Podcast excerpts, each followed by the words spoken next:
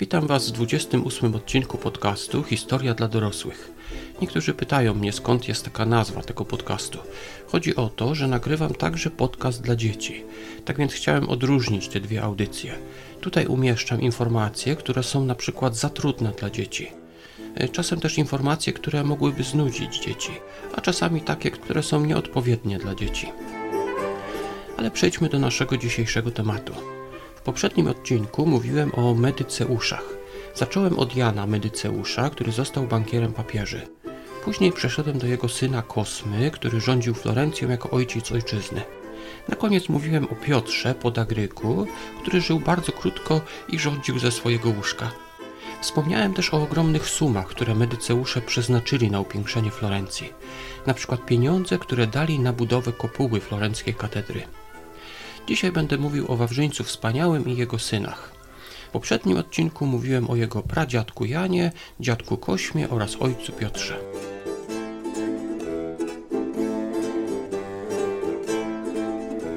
Po śmierci swojego ojca, Piotra Podegryka, władzę przejął Wawrzyniec Wspaniały, po włosku Lorenzo il Magnifico. E, przypominam, że ja nie mówię po włosku, tak więc nie ręczę za to, że dobrze przeczytałem te nazwiska. Gdy umierał dziadek Kosma, martwił się tym, że przekazuje władzę chorowitemu synowi. Miał jednak bardzo duże oczekiwania wobec swojego wnuka. Spędzali oni razem dużo czasu, na przykład grali razem w szachy. Jego oczekiwania się sprawdziły, o czym może świadczyć ten przydomek. Wawrzyńca nazwano wspaniałym.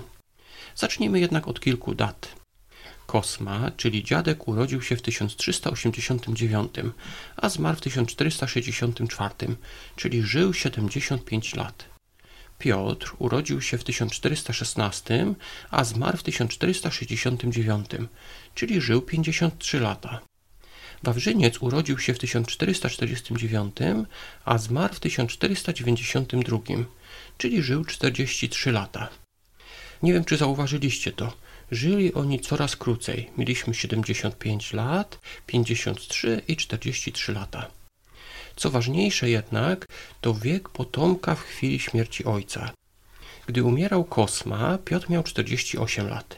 Niestety umarł 5 lat później, tak więc jego syn Wawrzyniec miał w chwili śmierci swojego ojca Piotra tylko 20 lat.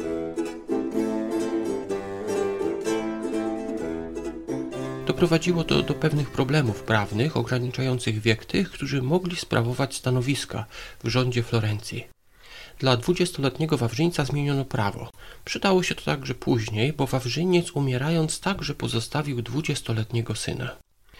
Sam Wawrzyniec Wspaniały rządził Florencją 23 lata.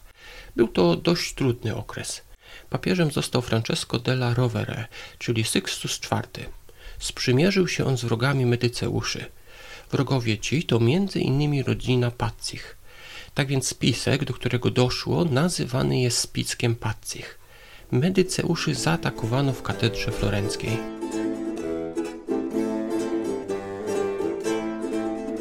Jak pewnie pamiętacie z poprzedniego odcinka, katedra we Florencji ma największą na świecie kopułę zbudowaną z cegieł.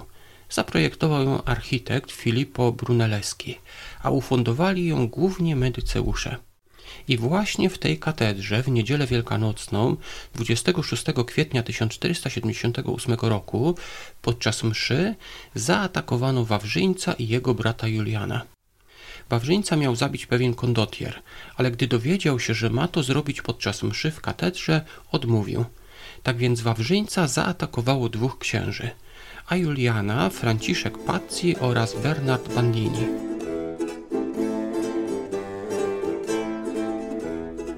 Wawrzyniec został ranny, udało mu się jednak uciec do zachrystii i tam zabarykadować. Niestety Julian zginął. Franciszek Pazzi, który go zamordował, przebił go dziewiętnaście razy. Kłuł Juliana z taką zawziętością, że w pewnym momencie sam siebie zranił. I być może właśnie to uratowało Medyceuszy. Franciszek Pazzi miał z katedry udać się do Palazzo Vecchio i miał tam przejąć władzę. Jak już jednak powiedziałem, sam jednak zranił się, zranił się w udo i tak osłabł od upływu krwi, że poszedł do łóżka położyć się i wysłał ludzi, aby zajęli się tym zadaniem, które miał sam zrobić. Aby przejąć władzę, ruszył arcybiskup Pizy, Franciszek Salviati. Pogubił się jednak w labiryncie pokoi w Palazzo Vecchio i odłączył się od swoich ludzi.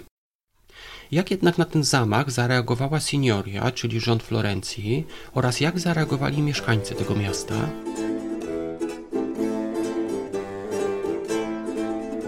Signoria zamknęła zatrzymanych zamachowców, a lud wpadł w szał.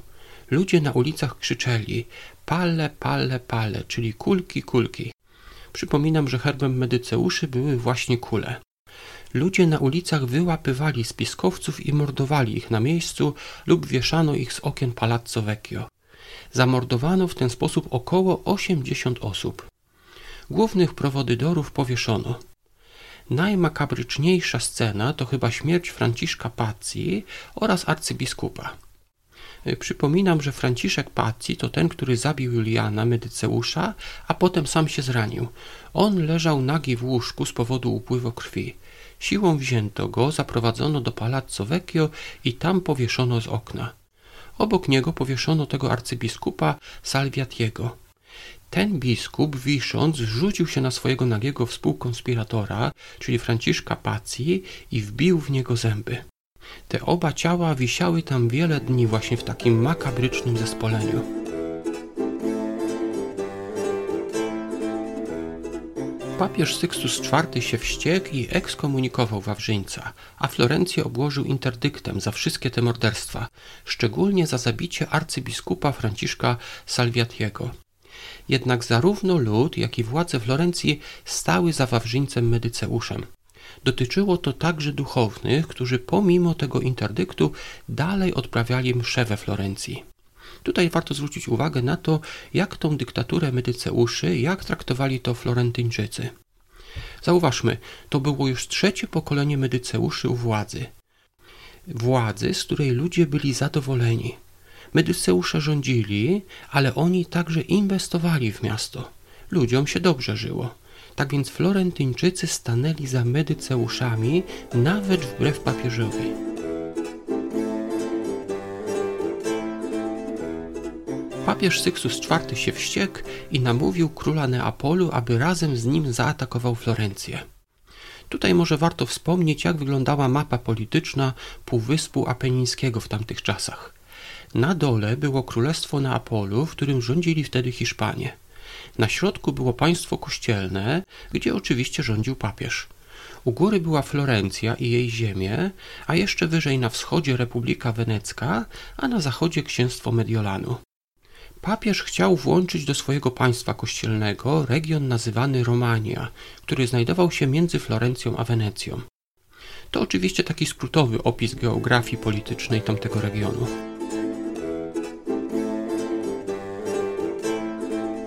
Wawrzyniec Medyceusz, mając przeciwko sobie wojska państwa kościelnego oraz wojska Królestwa Neapolu, postanowił rozdzielić swoich wrogów sam popłynął do Neapolu i oddał się w ręce króla tego państwa. Wyjaśnił mu, że wojna z Florencją wcale nie leży w jego interesie. Tak więc ostatecznie zawarto pokój i Wawrzyniec wrócił do Florencji. Zapewnił swojemu miastu pokój i tłumy oraz signoria były po jego stronie. Po śmierci Sykstusa IV, czyli tego wrogiego papieża, kolejnym papieżem został Inocenty VIII. Wawrzyniec oddał swoją córkę, Magdalenę, za żonę dla nieślubnego syna tego papieża. I w ten sposób zawarł pokój także z państwem kościelnym. Żoną Wawrzyńca była Klarysa Orsini. Pochodziła ona z rzymskiego rodu. Była ona swego rodzaju ambasadorem i załatwiała interesy pomiędzy rodami Medyceuszy i Orsinich. Na przykład namówiła swojego męża, aby poparł kandydaturę jej brata, Rinalda, na arcybiskupa Florencji. Często wyjeżdżała do Rzymu i była tam traktowana jako przedstawicielka swojego męża. Innymi słowy, jej decyzje były wiążące. Było to dość niezwykłe, bo kobiety w tamtych czasach nie miały zwykle takiej władzy.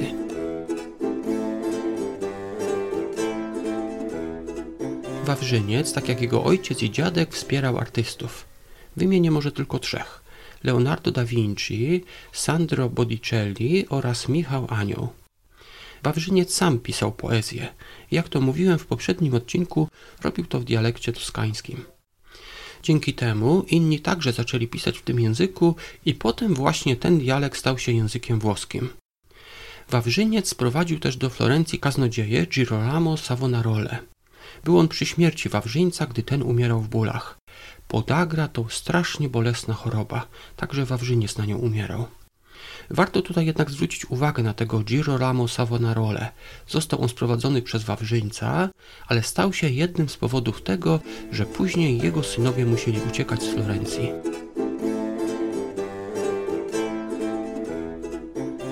Wawrzyniec zostawił po sobie trzech synów: Piotra, Jana oraz Juliana. Władcą Florencji został Piotr II Nieszczęśliwy. Jan został kardynałem, a później także papieżem, a najmłodszy brat Julian miał romans z Lisą Gerardini. Zajmijmy się nimi po kolei. Piotr II Nieszczęśliwy dostał swój przydomek, bo stracił władzę we Florencji. Jego ojciec, Wawrzyniec, utrzymywał pokój we Włoszech. Jednak po jego śmierci ten region najechał król Francji. Później władzę we Florencji przejął kaznodzieja Savonarola, ten kaznodzieja, którego sprowadził Wawrzyniec. Synowie Wawrzyńca musieli uciekać. Później Piotr II Nieszczęśliwy utonął w rzece podczas ucieczki po przegranej bitwie. Jego brat Jan, który był kardynałem, przywrócił później władzę Medyceuszy we Florencji. Ale co z najmłodszym?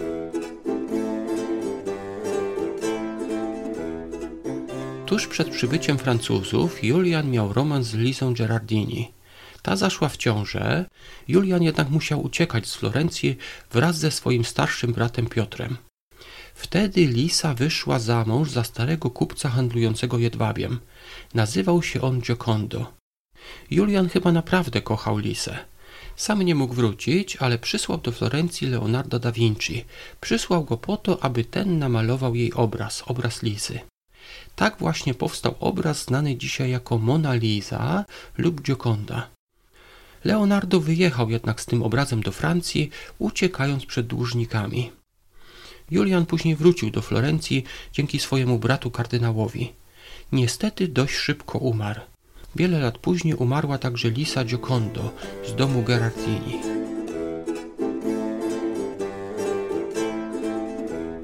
Na koniec chciałbym Was zachęcić do zwiedzenia Florencji, miejsca, gdzie narodził się renesans. Zwiedzając, zwróćcie uwagę na herb Medyceuszy, czyli pięć czerwonych kulek na żółtym tle.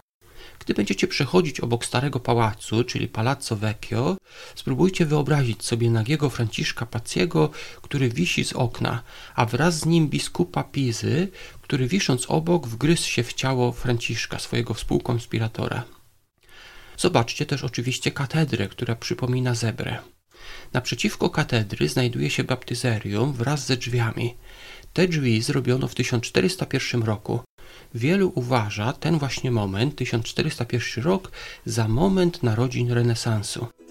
Ale o tym chciałbym Wam opowiedzieć w osobnym odcinku.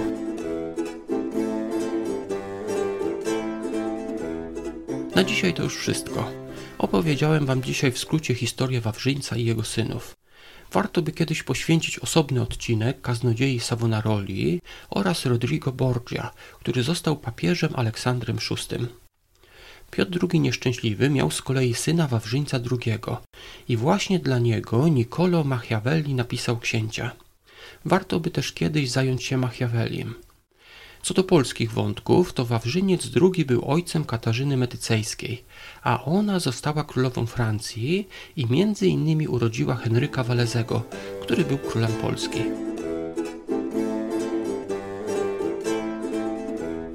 Mówiłem też dzisiaj o spisku Pacich z papieżem i innymi wrogami Medyceuszy. Spisek ten się nie udał, ale papież miał inne sposoby. Ekskomunikował Wawrzyńca, a siły państwa kościelnego sprzymierzone z królem Neapolu zaatakowały Florencję. Spisek jednak umocnił we Florencji poparcie dla Medyceuszy. Świadczy o tym choćby to, że tłum po spisku sam mordował przeciwników Medyceuszy. Dziewięciu spiskowców powieszono z okien pałacu. Jeden z nich, z tych spiskowców, uciekł aż do Konstantynopola.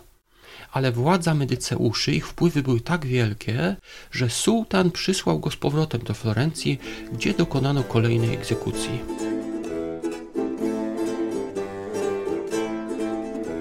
Może jeszcze jedna uwaga. We Florencji, zwiedzając ją, znajdziecie dużo pomników.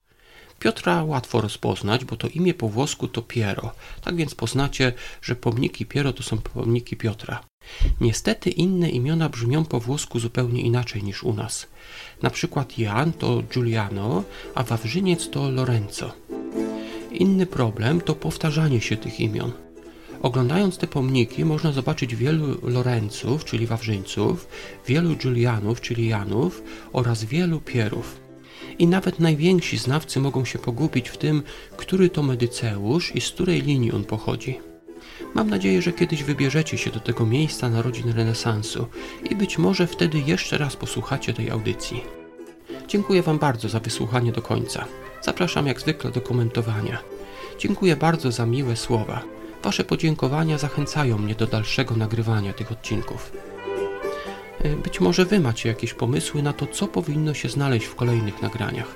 Napiszcie mi proszę o tym w komentarzu, o czym chcielibyście posłuchać w kolejnych odcinkach. Ja nazywam się Piotr Borowski i zapraszam Was także do innych moich podcastów historycznych. W tej chwili mam ich około sześciu. Tak więc do usłyszenia niedługo.